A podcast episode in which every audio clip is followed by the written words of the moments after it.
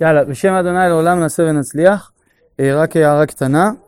אה, ביקשו מהרב יעקב להכין משהו וכולי, והוא הכין. אמרתי לו, לפחות לזכות את הרבים לדבר, הוא לא מוכן. הוא לא מוכן. אבל הוא לא מוכן, אני ניסיתי, לחמתי איתו. אמרתי פעם לאנשים, מי העדה הכי חכמה בעם ישראל? מי העדה הכי חכמה? הפרסים, הם גרמו לכולם לחשוב שהם תימנים. אבל האמת היא שהוא עקשן כמו תימני. אבל, אבל האמת היא שהוא רצה להגיד משהו, לפחות נגיד את הנקודה. אחר כך נדבר על הנושא האחר, אבל חודש תמוז זה חודש שמתחילים בו דינים קשים מאוד. אתם יודעים שאסונות קשים קרו בשלושת השבועות שמתחילים בי"ז בתמוז, באמצעו של החודש. אה, הוא תכנן לדבר על העניין שכמה זה חשוב לשמור על האחדות ולא לדבר על אף בן אדם משום סיבה. בקיצור, אני לא יודע מה הוא רצה לומר, אבל הוא אמר לי את הנקודה שעליה הוא רצה לדבר. הנקודה שהוא רצה לדבר זה שחשוב להרבות שלום ולא להתעסק עם דברים לא טובים, לא אלימות, לא סרטונים קשים, לא דברים רעים. קראת איזה סקופ חדשותי רכילותי, אל תעביר הלאה, תעלים אותו. ת... פשוט להיזהר, כי זה פשוט רק, זה חודשים שיש עליהם קטרוג גדול, אז פשוט להיזהר. בסדר? זה ה... אני אומר את זה בשמו כי זה מאוד חשוב, והוא לא רוצה לומר, אבל אני אומר את זה בשמו. אני מקווה שאני לא סילפתי. טוב, בסדר.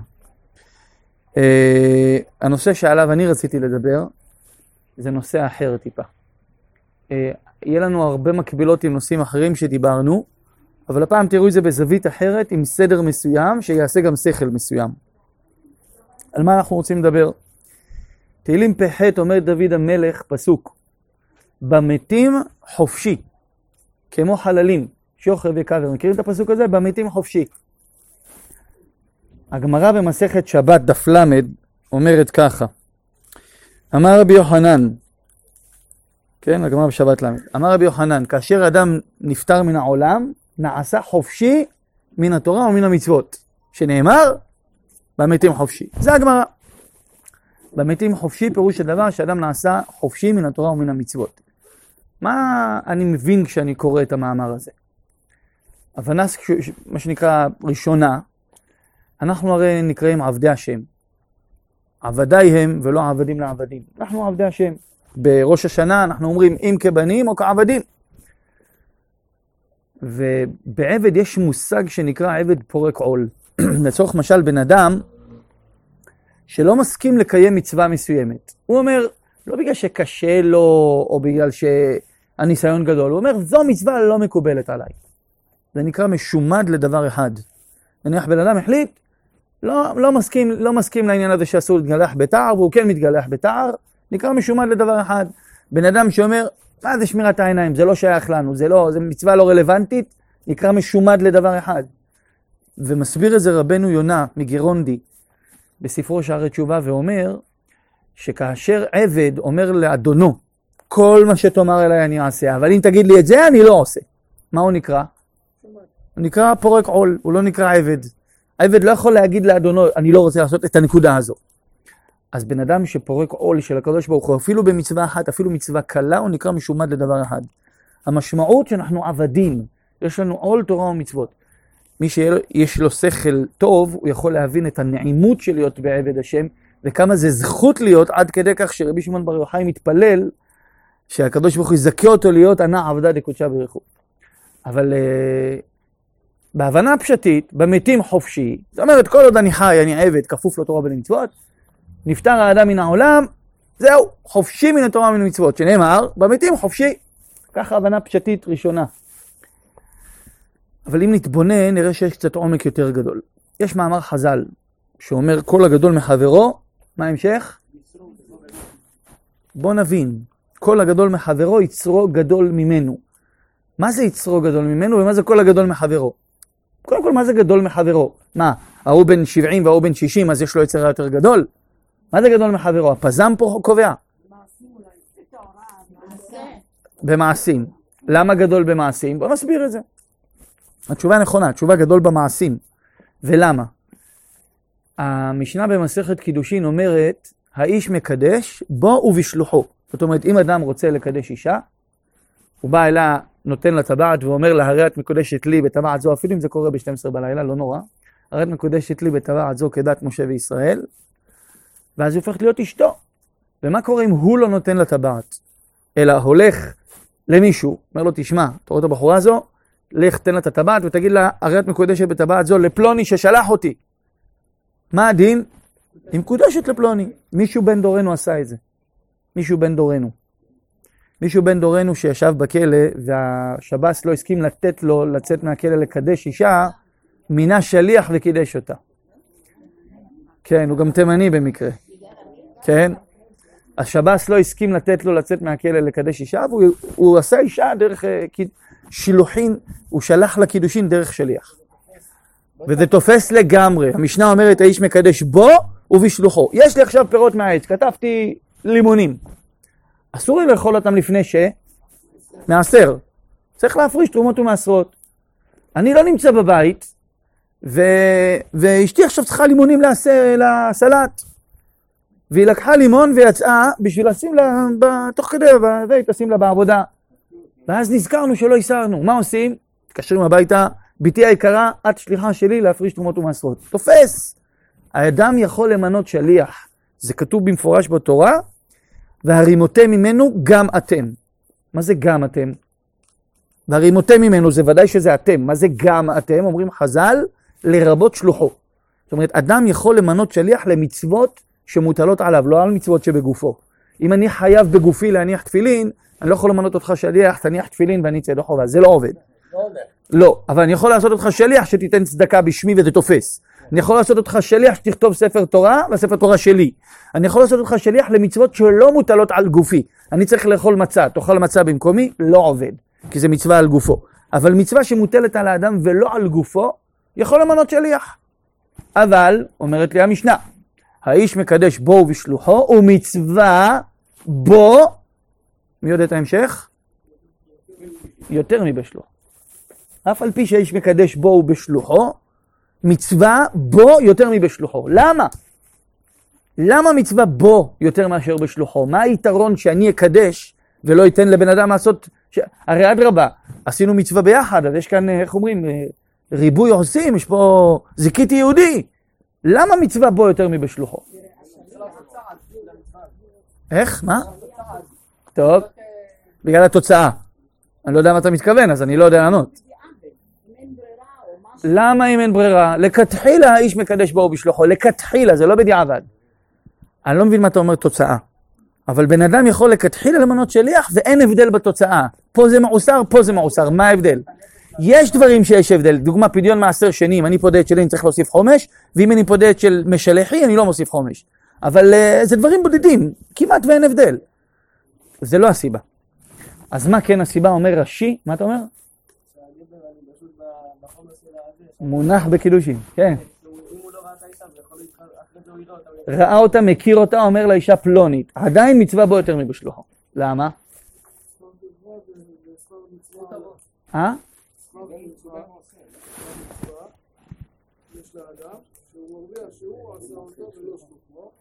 אבל מה הטרחה פה? אני לא מבין. לתת קידושין זה לא טרחה. אני מדבר על קידושין. יפה, זה התשובה. רש"י על, על המקום ש, ש, עונה את השאלה, הוא לא שואל, הוא פשוט עונה. מצווה בו יותר מבשלוחו, כיוון שהוא מתקדש. אנחנו כל יום אומרים, נוטלים ידיים בבוקר, מה אנחנו אומרים? אשר קידשנו במצוותיו. מה פירוש הדבר? שהמצוות מה עושות? מקדשות אותנו. אז האיש מקדש בין, אישה, מצווה בו יותר מבשלוחו בגלל שהוא מתקדש. זאת אומרת, עושה מצווה, מתקדש במצווה, לכן עדיף שאתה תעשה. זה בשבילך. אתה מרוויח, אתה נהיה קדוש יותר. זאת אומרת, המצוות, ככל שאדם עושה יותר מצוות בגופו, מה הוא גורם לעצמו? להיות קדוש. יותר ויותר קדוש. זה נקרא הגדול מחברו. כל הגדול מחברו זה כל אדם שיש לו יותר קדושה בגוף שלו, בגלל שהוא עשה יותר מצוות במעשים טובים ותורה. כי כל, גם תורה, אתם יודעים, תורה, כל אות בתורה שקולה כנגד כל התורה כולה וכנגד כל המצוות, כנגד תרי"ג מצוות. אות, אות בתורה. אז יהודי שלומד תורה, כל שכן שזה גם מקדש אותו. אז כל מצווה שיהודי עושה, כל מצווה שיהודייה עושה, מקדש את הגוף. אז מה זה כל הגדול מחברו? כל אדם שעשה יותר מעשים במצוות, בתורה, מעשים טובים, זה נקרא גדול מחברו. אז מה קורה לבן אדם שגדל ביחס לחברו? מה קורה לו? כן, זה אמרנו. אבל מה קורה מזה? אדם מתעלה, מה קורה משם? כל הגדול מחברו, מה קורה? מה? יצרו הגדול ממנו. מה פירוש? מה זה יצרו גדול ממנו? זאת אומרת, אם יש פה בן אדם שעשה הרבה מצוות, ויש פה בן אדם שעשה פחות מצוות, להוא יש יותר יצר הרע. זה המשמעות. למה? למה? כיוון שאדם עושה מצוות ומתקדש, הוא הגביר את כוח הקדושה בו, אז הקדוש ברוך הוא כתוב בקהלת, זה לעומת זה עשה האלוהים. בשביל ליצור איזון, שתישאר לאדם בחירה מאוזנת בין טוב לרע, מגדיל לו את עוצמת יצר הרע. ואז היצר הרע שלו הרבה יותר חזק. אני חייב לתת לכם עובדה מהחיים. לפני 30, לא, 20 ומשהו שנה, יצא לי לדבר שיחה עם איזה רב אחד, שאני הייתי אז בחור יחסית אה, צעיר, בחור ישיבה, הוא סיפר לי שהוא מחזיר בתשובה אנשים. כאילו תלמידים שלו זה תלמידים חוזרים בתשובה. הוא אומר לי שאחד התלמידים שלו אמר לו, כבוד הרב, כשאני הייתי אדם חילוני, הייתי יושב במקומות מטונפים, מטונפים, ואם לא הייתה עבירה, איך אומרים, ראויה לשמה, בכלל לא היה מדגדג אותי. היום אני יושב בכולל, לומד תורה, אני שומע כפכפים, אני לא מורכז. מה זה? מה התשובה? כל הגדול מחברו, יצרו גדול ממנו. זאת אומרת, כשאדם, הרי הניסיון של יהודי שכבר נמצא בקדושה, זה לא ניסיון אם ללכת עם גויה או לאכול חזיר. זה לא הניסיון שלו. הניסיון שלו זה האם לשמוע את הדברים האלה שלא כדאי לשמוע, או אם להסתכל איפה שלא צריך להסתכל, או אם לחשוב את מה שלא צריך לחשוב. זה הניסיון שלו. והניסיון הזה לא יותר קטן מהניסיון של ללכת עם גויה. הפוך, הוא יותר גדול. כי ככל שאדם עולה, הדרגה שלו עולה, היצר הרע שלו עולה, והניסיון שלו יותר בדקות, אבל יותר גדול. כי סביביו נסערה מאוד. ככל שאדם קרוב יותר אל הקדוש ברוך הוא, הדקות של חוט השערה שלו יותר גדולה. בקיצור, כל גדול מחברו יצרו גדול ממנו. אדם גודל, היצר הרע שלו גודל. בסדר? אז כשאדם נפטר מן העולם, לכאורה, הוא צריך להיפטר, מה... הרי מה, מה הגדיל לו את היצר הרע? מה הגדיל לו את היצר הרע? למה אדם גדל לו יצר הרע? הוא עושה יותר תורה ומצוות, נכון? אדם עשה יותר תורה ומצוות, גדל לו יצר הרע, נכון? ככה כתוב, כל הגדול מחברו יצרו גדול ממנו, הרגע ביארנו את זה באריכות. כל הגדול מחברו יצרו גדול ממנו, ככל שאדם עושה יותר תורה ומצוות, יצר הרע שלו יותר גדול. בוא, אני רואה שזה לא הובן, אז אני אגיד משהו חזק מאוד ומפחיד מאוד. פעם אחת אמר אחד מגדולי ישראל, אני לא אגיד את שמו בכוונה, אחד מגדולי ישראל אמר לבחור ישיבה אחד שהתנסה בניסיונות לא נעימים, אמר לו, תגיד לי, אתה חושב שהניסיונות שלך קשים? שתדע לך שמה שאתה עובר גם אני עובר, ואני אגיד לך שאני נקרע מהניסיון הזה יותר ממך.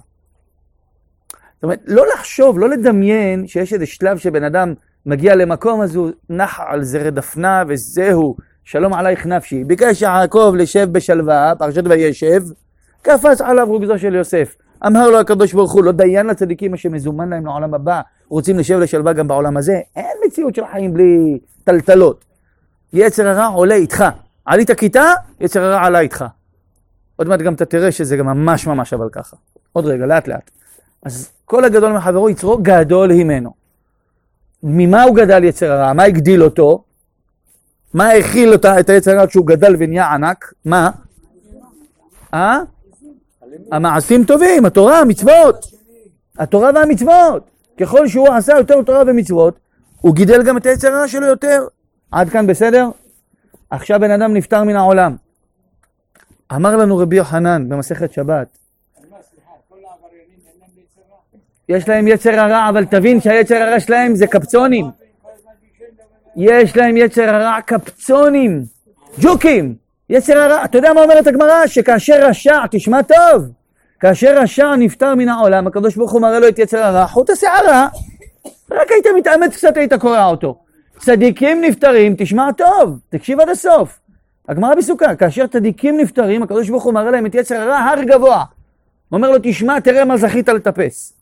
אדם עולה, יצר הרע עולה איתו, כי זה לעומת זה עשה האלוהים. אם בן אדם מגדיל את הקדושה, אז הקדוש ברוך הוא יגדיל לו גם את היצר הרע לשמור על האיזון. זה המציאות, ככה השם ברא את העולם. זה המציאות, ידידיי, לא להתבלבל, ככל שאדם יותר מתקדש, יצר הרע שלו גודל.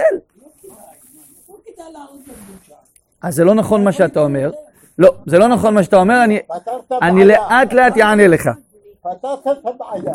הוא שאל שאלה נכונה, הוא שאל אם אני בעצם גודל אז יצר גדול. גדול. שאלת שאלה, אני אענה עליך בעזרת השם לאט לאט לקראת סוף השיעור. זה מהלך, אי אפשר באמצע. אין מה לעשות, צריך להישאר ער הפעם.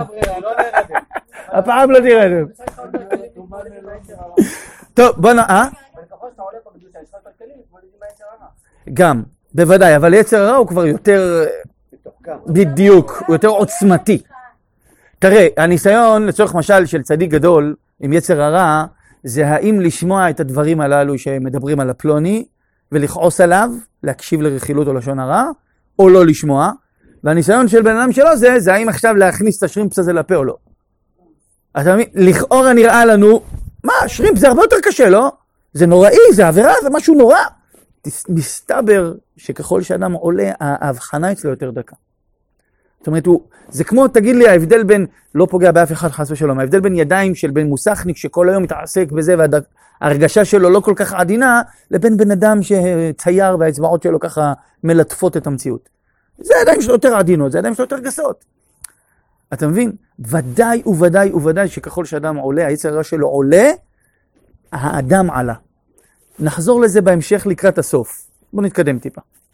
אז ככל שאדם גודל בגלל המעשים טובים והתורה שלו, אין מה לעשות, נסגור פינה לאט לאט. תשאיר שאלה פתוחה, נענה לה. במקום לתת, לדבר את מה לו? איך אומרים, מנשה, אמר לו, אם תעזור עם זה, אתה תהיה איתי, ודוד המלך מסתובב ביחד בגן עדן. אה, לא יודע, זה- זה בעיה. תקשיב, בחר ריבי ואמר, יש קונה עולמו בשעה אחת. רבי אלעזר בן דורדיה, סיפור גמרא במסכת עבודה זרה דף ד'. בחר ריבי ואמר, יש קונה עולמו בשעה אחת. למה הוא בוכה? כי הוא אמר, איזה מסכן שהעולם הבא שלו בנוי משעה אחת. מסכן. אני אענה לך לאט לאט, סבלנות. סבלנות. מה אתה אומר דברים לא לעניין? זה גם לא נכון מה שאתה אומר. בוודאי שחזרו משם בלי סוף.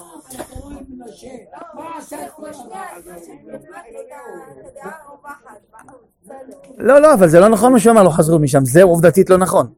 עובדה. בטח שחזרו משם, אף אחד לא חזר משם, איזה אמירה זו? זה שקר, זה לא אמת. אני שומע את הדעה ומוכן להתמודד איתה, אבל להגיד דברים לא אמיתיים, אי אפשר. בוודאי, מלא. גלגולי נשמות, מתים קליניים, זה קיים, זו עובדה, אי אפשר לכחש את זה. טוב, בוא נחזור לעניין. בקיצור, כל הגדול מחברו יצר גדול ממנו בגלל קיום תורה ומצוות. ככל שאדם יותר מקיים תורה ומצוות ומתקדש, יצר הרע שלו גודל.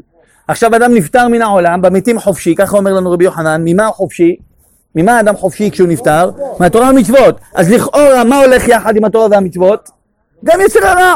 אז לכאורה בן אדם נפטר מן העולם, נפטר מהחבילה שלו. תגיד שלום ליצר הרע, ככה השקפה הראשונה, נכון? ככה זה יוצא, משוואה פשוטה. תורה ומצוות גודל האדם, תורה ומצוות מגדילים גם את היצר הרע, נכון? נפטרים מן העולם, נפטרים מן התורה ומצוות, נפטרים מן העולם, נפטרים מיצר הרע. משוואה פשוטה, A שווה ל-B, B שווה ל-C, A שווה ל-C, נכון? איך קוראים לזה? משפט פיתגורס? הנה, משוואה פשוטה. עד כאן בסדר? יש, יש שאלות או שאפשר להתקדם? טוב, אני ממשיך. זה פיתגורס או שהמצאתי, מה? לא, A שווה ל-B, B שווה ל-C. אה, זה A בריבוע בריבוע. אבל זה קוראים לזה משוואת משהו, נו, איך קוראים לזה? לא, לא, A שווה ל-B, B שווה ל-C, A שווה C, זה גם משפט פיתגורס. נו, יש לו שלושה. משפט פיתגורס הראשון, אל תעשו ממני ככה. אוקלידס, נו. משפט אוקלידס. אותו דבר, S בסוף. יש לו S בסוף, הוא יווני, הכל בסדר. טוב, אוקלידס אתה אומר, משפט אוקלידס. אה, יודע, נו, בחייאת, גוגל יודע יותר טוב ממני את הדברים האלה. אז יאללה, אז, אה, אז ככה, אז אמרנו כל הגדול מחדרו יצרו הגדול ממנו. עכשיו תראו, היי, אני רוצה להבין טיפה, טיפה, טיפה, טיפה, כמה דברים לגבי יצר הרע, ואז אני אראה שהמשוואה הכל כך פשוטה והגיונית הזאתי, לא כל כך נכונה. A שווה ל-B, B שווה ל-C, A שווה ל-C, לא נכון פה. למה? בואו נראה לאט לאט. קודם כל, איפה אנחנו נתקלים, שימו לב, זה חידה ואני רוצה תשובות, תענו לי, לא שואל את עצמי. תהיו דרוכים. יש פה הרבה תימנים וגם חלקם מבוגרים, אין סיבה שלא יהיו לי תשובות פה עכשיו. שאלה ראשונה, שנייה ושלישית, זו אותה תשובה. השאלה הראשונה, איפה אנחנו נתקלים ביצר הרע בפעם הראשונה בבריאה? שאלה שנייה, איפה אנחנו נתקלים ביצר הרע פעם ראשונה בבן אדם?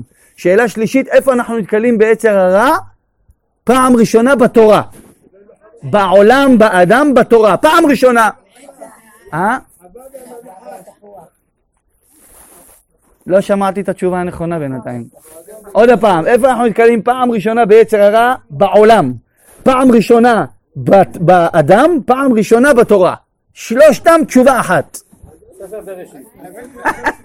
איזה מין תשובה, זה בראשית זה התחלה של הכל. אה? איפה כתוב יצר הרע שם? לא ראיתי יצר הרע שם. זה לא כתוב יצר הרע. כתוב חטאת, לא כתוב יצר הרע. זה התשובה, כי יסר לב האדם רע מנעוריו. זה המקום שזה כתוב. אה? לפני כן כתוב לפתח חטאת רובץ, לא כתוב יצר הרע. מה? לא כתוב יצר הרע אבל. המקום הראשון בתורה, בעולם ובאדם שמוזכר יצר הרע זה בפסוק הזה. כי יצר לב האדם רע מנעוריו. לכאורה בהשקפה ראשונה, וזה כבר אתם ליבנתם את זה איתי כמה פעמים, אז אתם צריכים לענות לי תשובות כבר לפני שאני שואל. לכאורה בהשקפה ראשונה, מה הכוונה יצר לב האדם רע מנעוריו? מה הכוונה? יפה, אתה ענית כבר את הסוף. השקפה ראשונה זה בגיל הנעורים, זה השקפה ראשונה. אבל התשובה האמיתית זה מה שאתה אומר. יש מחלוקת בין ריבי, לא מחלוקת, ויכוח בין ריבי ואנטונינוס, אם אני לא טועה בשמות, שריבי אומר, אה, אנטונינוס שואל את ריבי, מתי מגיע יצר רע לאדם? אז הוא אומר לו, מגיל הנעורים. אז הוא אומר לו, אם, אם, אה, סליחה, הוא אומר לו, מבטן אמו. מבטן אמו הוא אומר לו. הוא אומר לו, אם היה יצר הרע לאדם בבטן אמו, היה קורע את הבטן ויוצא החוצה לעשות עבירות. אז הוא אומר לו, ממתי? הוא אומר לו, מעת שהוא נולד.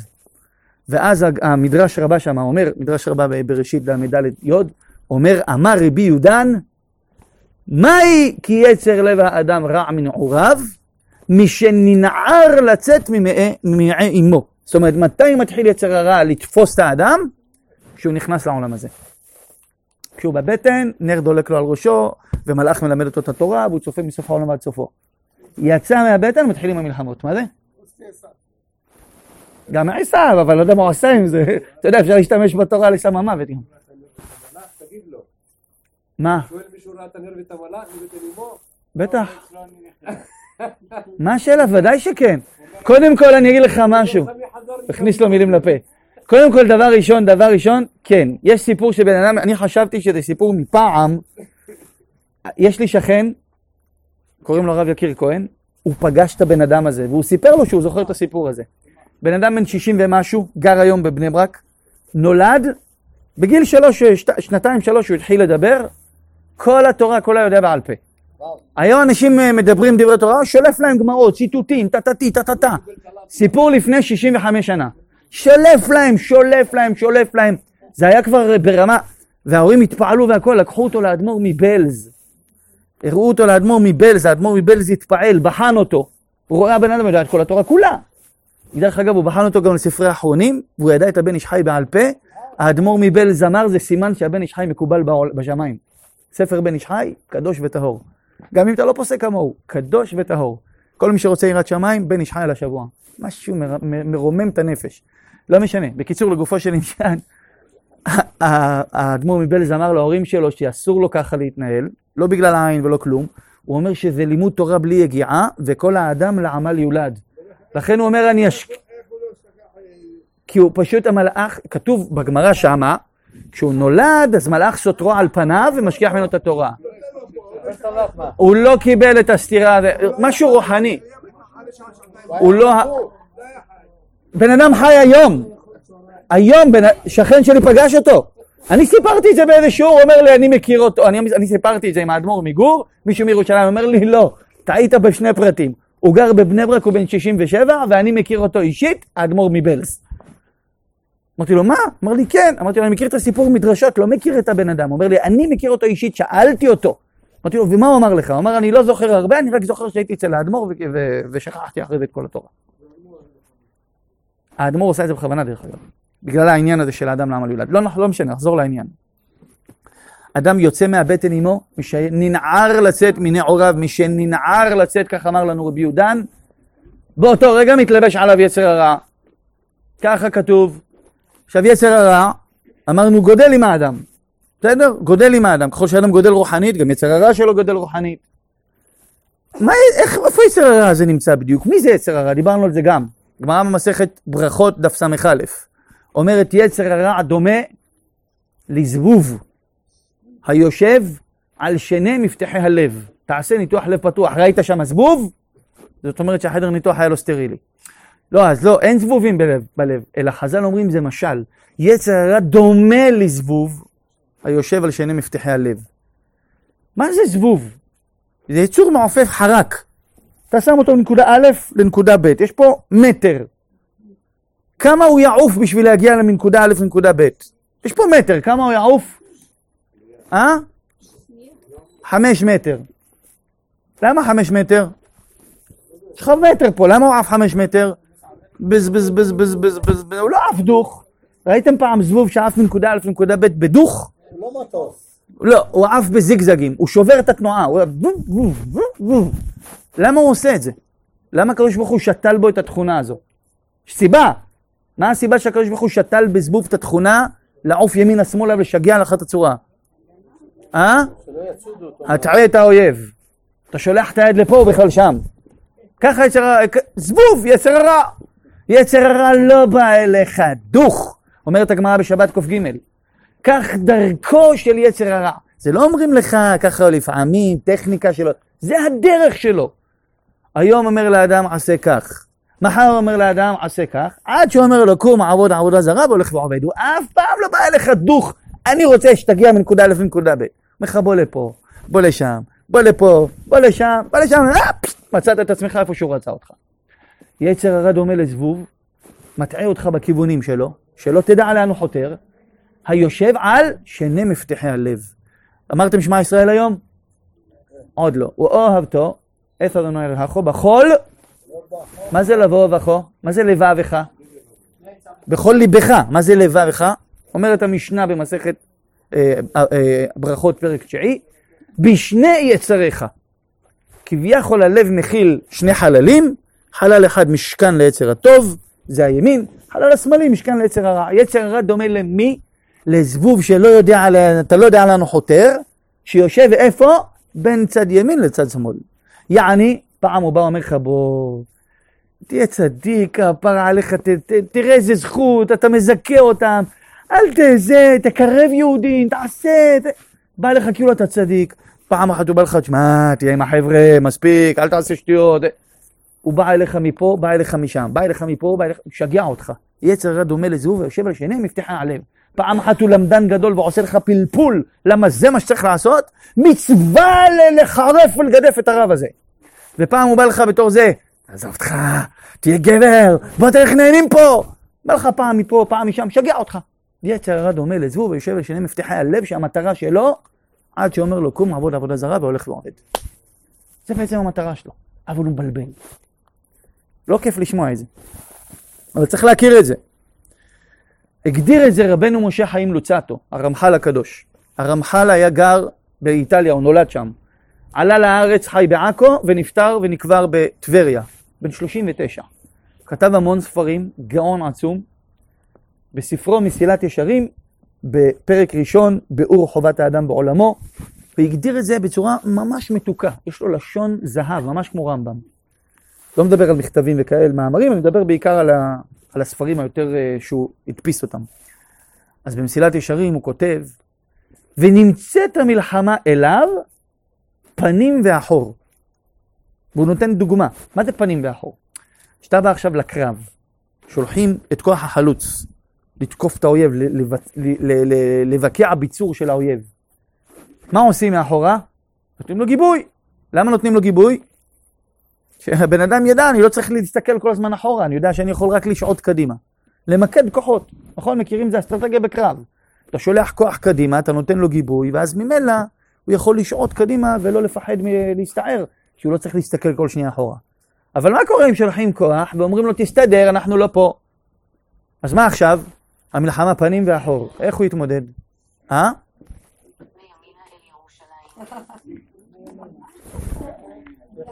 זה בגלל הפקקים או לא בגלל הפקקים? בגלל ההפגנות. טוב. אז, אז נמצאת המלחמה אליו, פנים ואחור. אומר לנו רבנו הרמח"ל, דוגמה, הוא נותן דוגמה מעולם הפרנסה. כתוב בספר משלי, פרק ל', פסוק ט'. פסוק ח' כתוב ככה, רש ועושר אל תיתן לי, השביעני לחם חוקי. למה? פסוק ט' כתוב, פן אשבע וכיחשתי ואמרתי מי השם. ופן יברש וגנבתי ותפסתי שם אלוהי. במילים אחרות, לפעמים יש לאדם ניסיון של עושר, ואז הגאווה מתלבשת עליו והוא שוכח את בורא עולם. אפילו שיגיד ברוך השם אלף פעמים, כל כולו גאווה ואין מקום לקדוש ברוך הוא לשרות שם. איפה הקדוש ברוך הוא נמצא? איפה שנותנים לו. כשבן אדם כולו גאווה ואני ואני ואני, אין לו מקום, אין, אין מקום לקדוש ברוך הוא. כמה שתגיד השם, השם, ברוך השם, אין מקום, הקדוש ברוך הוא לא מוצא איפה להיות. לגמרי. זה פן אשבע וכיחשתי. לעומת זאת, בן אדם שהגיע למציאות של ניסיון העוני, הוא פן יברש וגנבתי ותפסתי שם אלוהי. זה גם, זה כפירה גמורה, בן אדם שמגיע לגניבה, זה כתוצאה מזה, אתם יודעים מה הגמרא אומרת בבבא קמא? שגנב בפתח המחתרת, מתפלל ריבונו שלום, תעזור לי בגניבה הזו, תן לי לעשות מכה כמו שצריך. אבל זה כפירה, אתה, אתה, אתה מאמין שיש בורא עולם, אז איך אתה לא מאמין שיביא לך את האוכל הביתה? למה אתה הולך לגנוב? אבל תבינו, בן אדם יכול להגיד בעזרת השם, להתפלל השם, ולא להאמין בשם. עובדתי. זה העבודה שלו.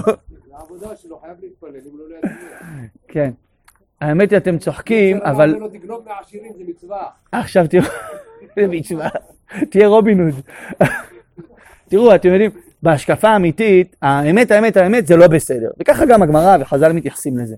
אבל הבעל שם טוב הקדוש אמר פעם, שדווקא הגנבים קרובים אל השם מאוד. כי הם כל הזמן החיים שלהם תלויים על חוץ השער, הרי הם תופסים אותם, גומרים עליהם. אז הם יותר קרובים אל השם מכל, התפילות שלהם זה התפילות הכי מעומק הלב. זה אבסורד, אבל זה נכון, זה מציאות.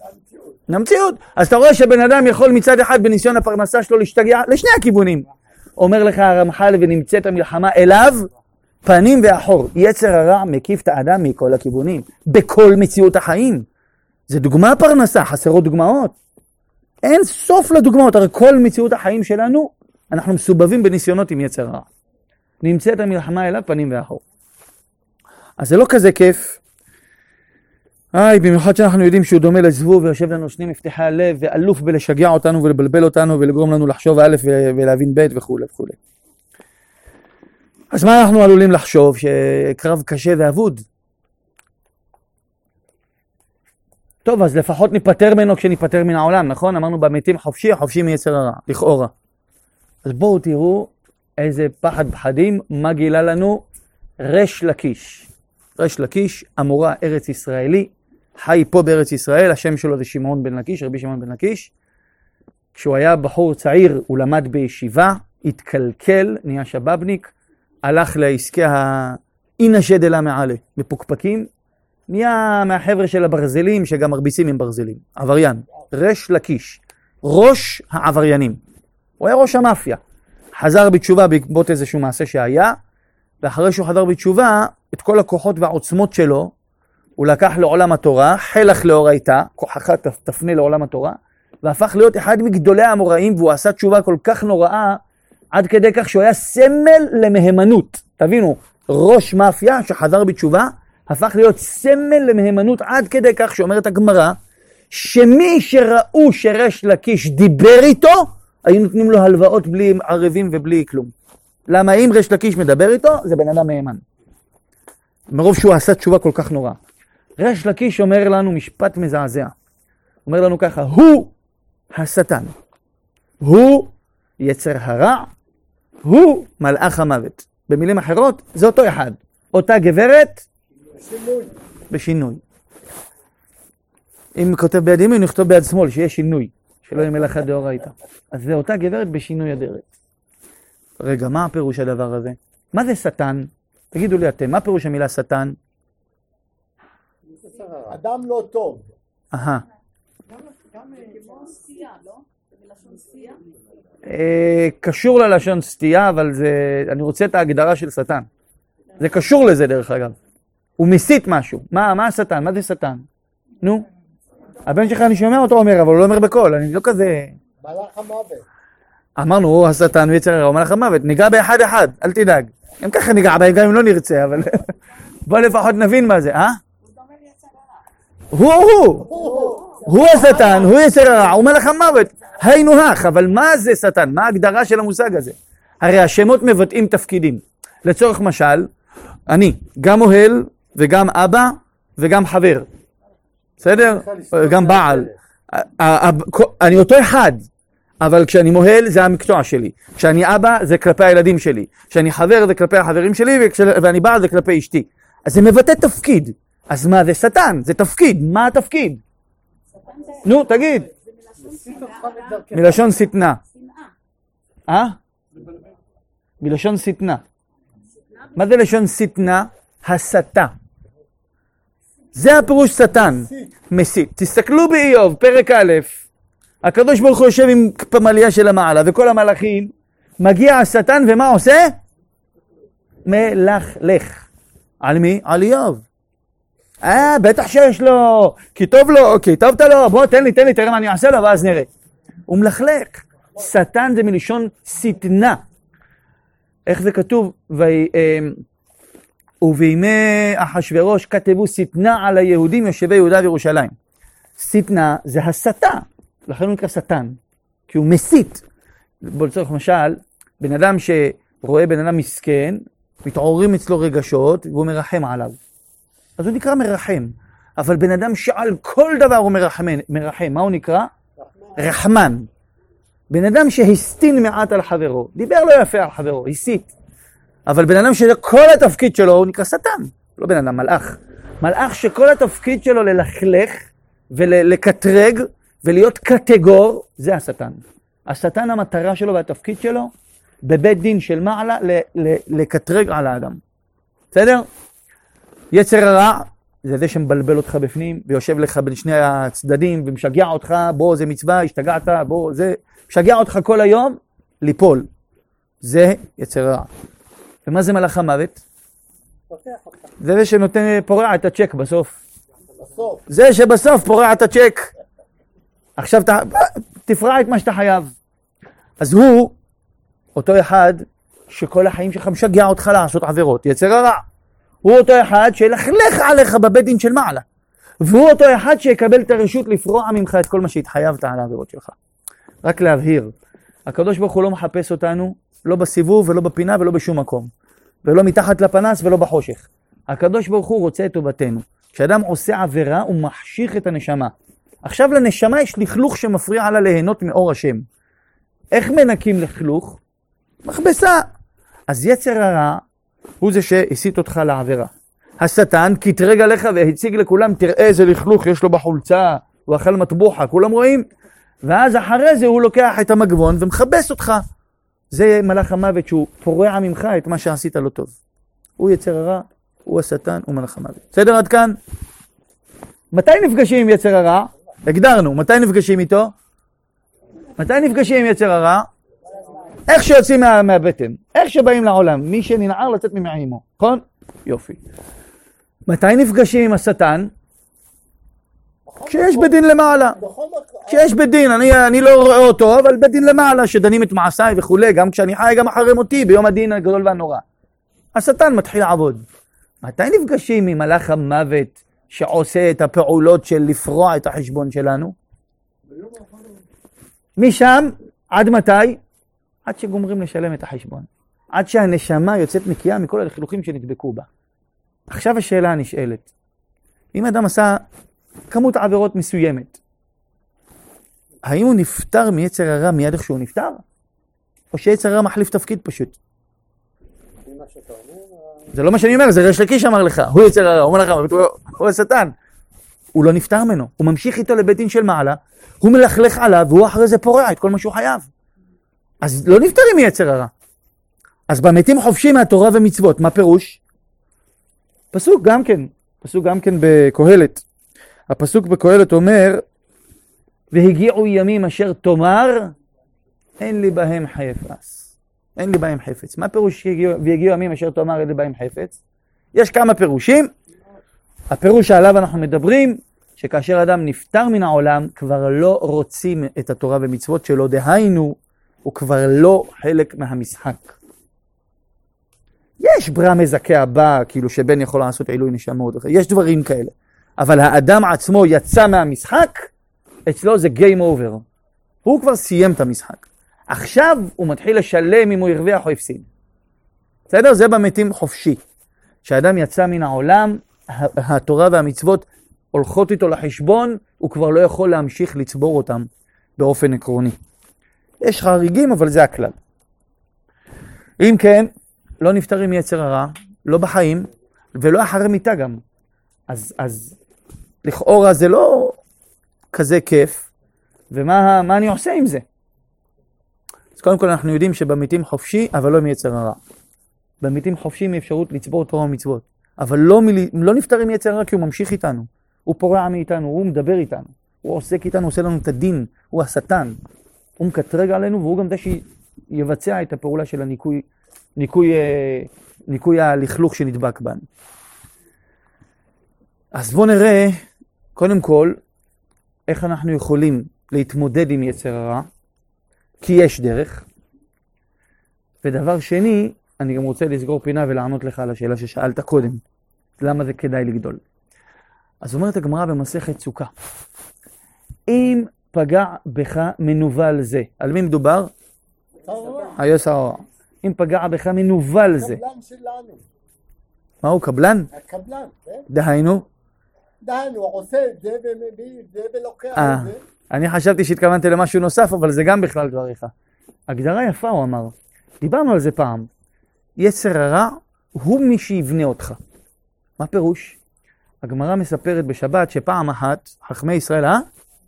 תגידי, תגידי, מה אמרת? איתו, אז ה- גם, אבל אני מסתכל בעוד אספקט. עוד אספקט.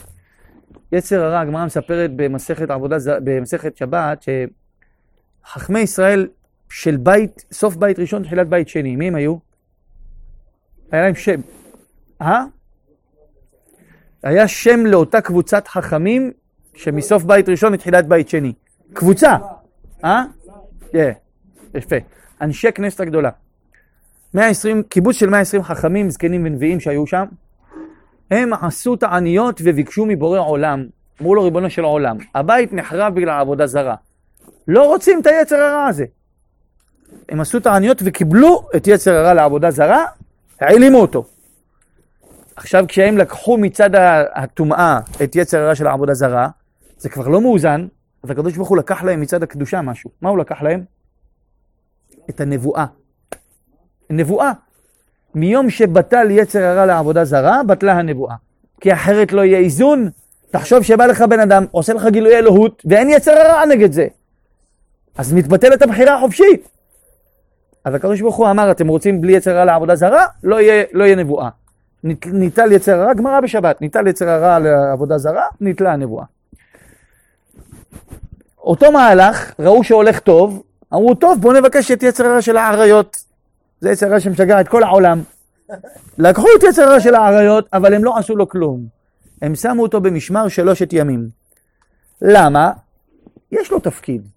מה התפקיד של יצר הרע של האריות? בלעדיו לא יהיה דור הבא.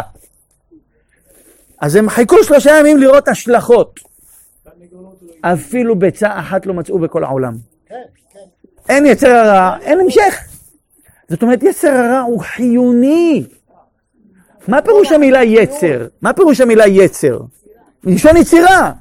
לא יהיה התפתחות, לא יהיה התקדמות. תשמע, אם בן אדם לא ירגיש צורך לקבל מעמד וכבוד, הוא לא יעשה דברים, לא יזיז את עצמו. נכון שמתו, שאנחנו שואפים להגיע מתוך שלא לשמה, לשמה, אבל מתחילים ממתוך שלא לשמה. אתה בא לילד, אומר לו, כפרה עליך, תלמד רק בגלל שהשם ציווה, לא מעניין אותך כלום. אתה אומר לו, תלמד יפה, תקבל סוכריה. תקבל ציון טוב בתעודה, אני אעשה לך טיול. תקבל זה, תקבל קורקינט. אתה מפתח את הבן אדם עם יצר הרע, כי היצר יוצר את הבן אדם. בלי יצר אין קיום. אדם יברח מהחיים אם לא יהיה לו יצר הרע. אז יצר הרע הוא חיוני, וזה מה שאני חשבתי שהתכוונת, שאמרת קבלן, כי הוא בונה אותך. אז יצר הרע בונה אותנו. אז צריך להבין את זה. ובעצם ככל שיצר הרע שלי גדול יותר, אני יותר קרוב לשלמות, אני יותר אדם, אתה צריך להבין את זה. הרי הוא יש אין ספור מלאכים בעולם, אין ספור. איך, אין מספר לגדודיו. כמה מלאכים יש לו? ריבי ריבבות, אין לנו מספר אפילו להכיל את זה. אין סוף. דרך אגב, סתם חידה ככה מעניינת, נראה אם, אה, אם אתם בריכוז כרגע או שאני מדבר עם עצמי. שימו לב. כמה מספרים יש בין 0 ל-1? תחשבו טוב. איך? כמה?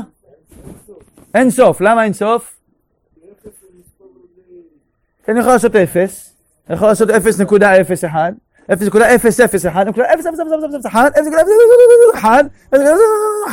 ואז לעבור ל-0.2, 0.02, 0.002, אותו דבר. אין סוף. בין 0 ל-1 כמה יש? אין סוף. כמה יש מ-0 ומעלה? 0, 1, 2, 3, כמה יש? אין סוף. איזה אין סוף יותר גדול? שאלה אמיתית או לא שאלה אמיתית? זה מושג בפיזיקה, דרך אגב. יש כמות לאין סוף. יש אין סוף שהוא אין סוף מוגבל, ויש אין סוף שהוא בלתי מוגבל. ברור שבין 0 ל-1 יש אין סוף מספרים, אבל מ-1 ומעלה יש הרבה יותר. זה ברור. בשניהם אין סוף. למה אמרתי את זה? כי כשאדם יכול להשיג השגות, הוא יכול להשיג אין סוף השגות. ככל שאדם עולה, הרי יש לקדוש ברוך הוא אין סוף מלאכים. הוא לא צריך מלאכים, כי יש לו ב- בלי סוף.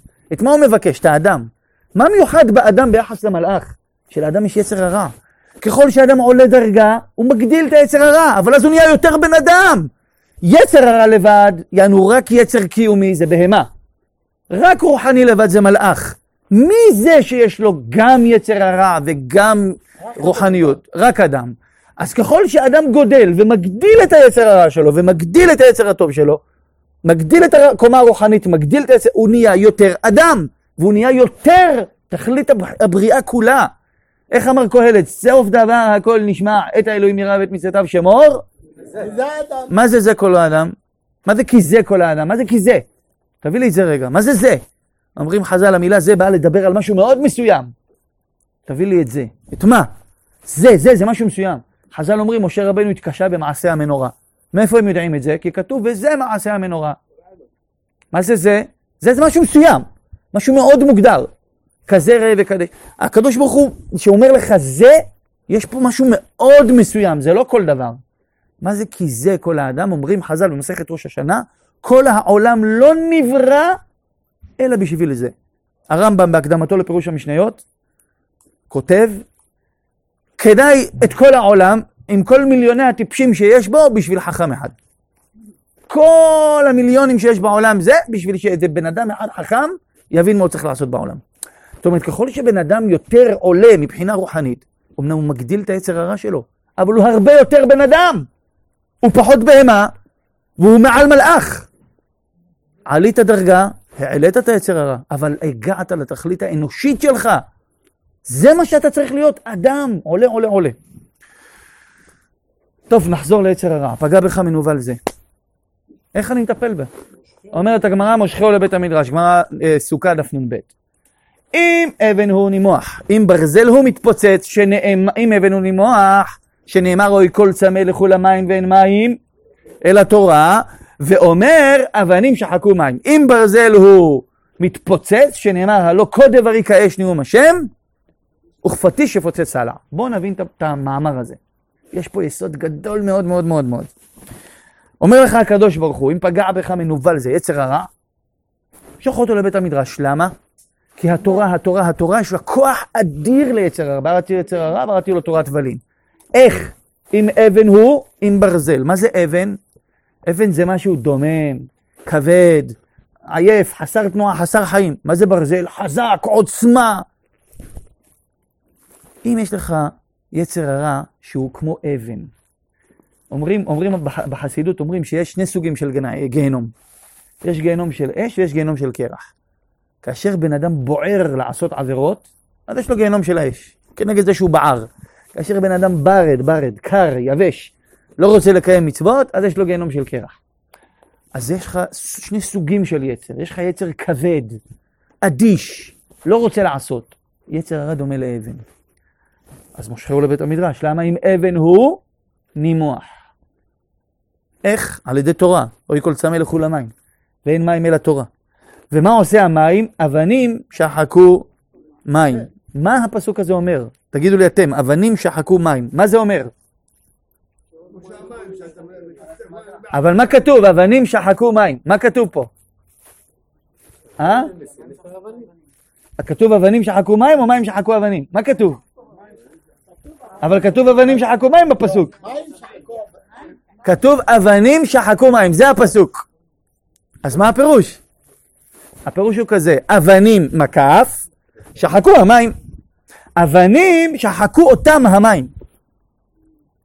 אבנים שחקו מים. עכשיו ברור הפסוק הזה. אבנים נשחקו על ידי מים, זה פירוש הפסוק. אבנים שחקו מים. זאת אומרת, הכוח של המים נגד אבן, איזה כוח יש למים? איך? מה נותן להם את הכוח? ההתמדה. אם יש לך יצר הרע כבד, אתה לא זז, אין לך חשק, לא פשוט תתמיד. פשוט התמדה. תתמיד, תתמיד, תתמיד, בסוף ת- תמיס אותו. יש סוג אחר של יצר הרע. יש פטיש, פ- ברזל, יצר הרע עוצמתי חזק. איך מנצחים אותו? הלא כה דברי כאש נאום השם, וכפטיש יפוצץ סלע. מי מפוצץ את מי? מי מפוצץ את מי? הפטיש את הסלע, אז לא. וכפטיש נקודה. יפוצץ סלע. הסלע פוצץ את הפטיש. איזה, פט... איזה סלע יכול לפוצץ פטיש? תגידו לי אתם. מי שקצת מכיר את נתניה בתקופה הזוהרת שלה בשנות ה-80, 70, איך פט... אה, אבן יכולה לפוצץ פטיש? וכפטיש יפוצץ סלע. איזה סלע יכול לפוצץ פטיש? יהלום. תבוא עם יה... ליהלום, עם הפטיש הכי חזק בעולם, 15 קילו, 70 קילו, טון, תיתן לו בראש. מי יישבר? הפטיש, למה? זה יהלום. אי אפשר על יהלום, הוא החומר הכי חזק בעולם. מקום שני, איזה חומר הכי חזק בעולם? מקום שני, אה? ספיר. ספיר, שזה סנפיריון בלשון חז"ל, וחז"ל אומרים לנו שלוחות הברית היו חצובות ממה? מסנפיריון. אם אדם מייקר, וזה דרך אגב אבן יקרה השנייה בעולם. יהלום, אחר כך ספיר. אז אם בן אדם מייקר את התורה כל כך, כמו יהלום, זה כל כך יקר בעיניו. אז גם פטיש לא יכול עלה. גם פטיש לא יכול עלה. שני סוגי יצר. יצר הרע של אבנים, כבד, ברד, התמדה, כמו מים שוחקים אבנים. אם זה יצר הרע ברזל, פטיש. יפוצץ סלע. הסלע שמפוצץ את הפטיש זה יהלום. תייקר את התורה כל כך בעיניך, היא כל כך יקרה וחשובה, ממילא כבר היצרים נמסים ביחס אליה. מתפוצצים לידה. חוזר על כל מה שדיברנו מההתחלה עד הסוף. דיברנו על זה בעזרת השם בניין. דיברנו על זה שלכאורה בהשקפה ראשונה, אדם נפטר מן העולם, נפטר מן התורה ומצוות, נפטר מיצר הרע. אבל זה לא כל כך נכון, כי יצר הרע בא לאדם מהרגע שהוא נולד, והוא מלווה אותו כל החיים ומבלבל אותו ימינה ושמאלה, ויצר הרע זה מטרד ו- ו- וקשה מאוד לזהות ולהתמודד עם יצר הרע. אז באמת, כאשר אדם נפטר מן העולם, אז יצר הרע מחליף שם, הוא הופך להיות שטן ומלאך המוות. אז לא נפטרים מיצר הרע. אז מה התכוונה הגמרא שאמרה במתים חופשי מתורה ומצוות, וממילא אם אדם פטור מתורה ומצוות, גם יצר הרע לכאורה עזב אותו? פירוש הדבר שהוא פטור מתורה ומצוות, שהוא לא זכאי לקיים תורה ומצוות, הוא כבר לא חלק מהמשחק. אז איפה מטפלים ביצר הרע? רק במציאות חיים עולם הזה. פה יש לך את ההזדמנות לנצח אותו. איך אני מנצח? וגם כדאי מאוד מאוד מאוד להגדיל את עצמך רוחנית, אפילו שיצר הרע עולה, מהסיבה הפשוטה, אתה נהיה אדם יותר שלם. ואיפה באמת אני יכול להתמודד עם יצר הרע? אם יש לי יצר הרע של כבדות, עצלות, התמדה. אם אבן הוא, מים, מים שוחקים אבנים. ואם הוא פטיש, הוא חזק ועוצמתי, יצר הרע שבוער בי, הלא כל דברי כאש נאום השם, וכפטיש יפוצץ סלע. סלע שמפוצץ פטיש זה יהלום. תעשה את התורה כל כך יקרה וחשובה בעיניך כמו יהלום, ממילא לך גם כוח. לפוצץ אפילו ברזלים נוראים וחזקים. השם ייתן לנו כוח להתמיד ולעקר את התורה, וככה בעזרת השם להפוך את הרע, למה נהפוך אותו? לרע. נהפוך את הרע בכל לבביך בשני יצריך. יצר הרע אפילו יעזור לנו. וזה מה שדוד המלך וליבי חלל בקרבי. מה זה חלל בקרבי? במתים חופשי כמו חללים. שתהפוך את היצר הרע שלך חלק מהמשחק שלך, איתך לעבוד את השם יתברך בכל לבביך. השם יסיינו ומעשה רצונו.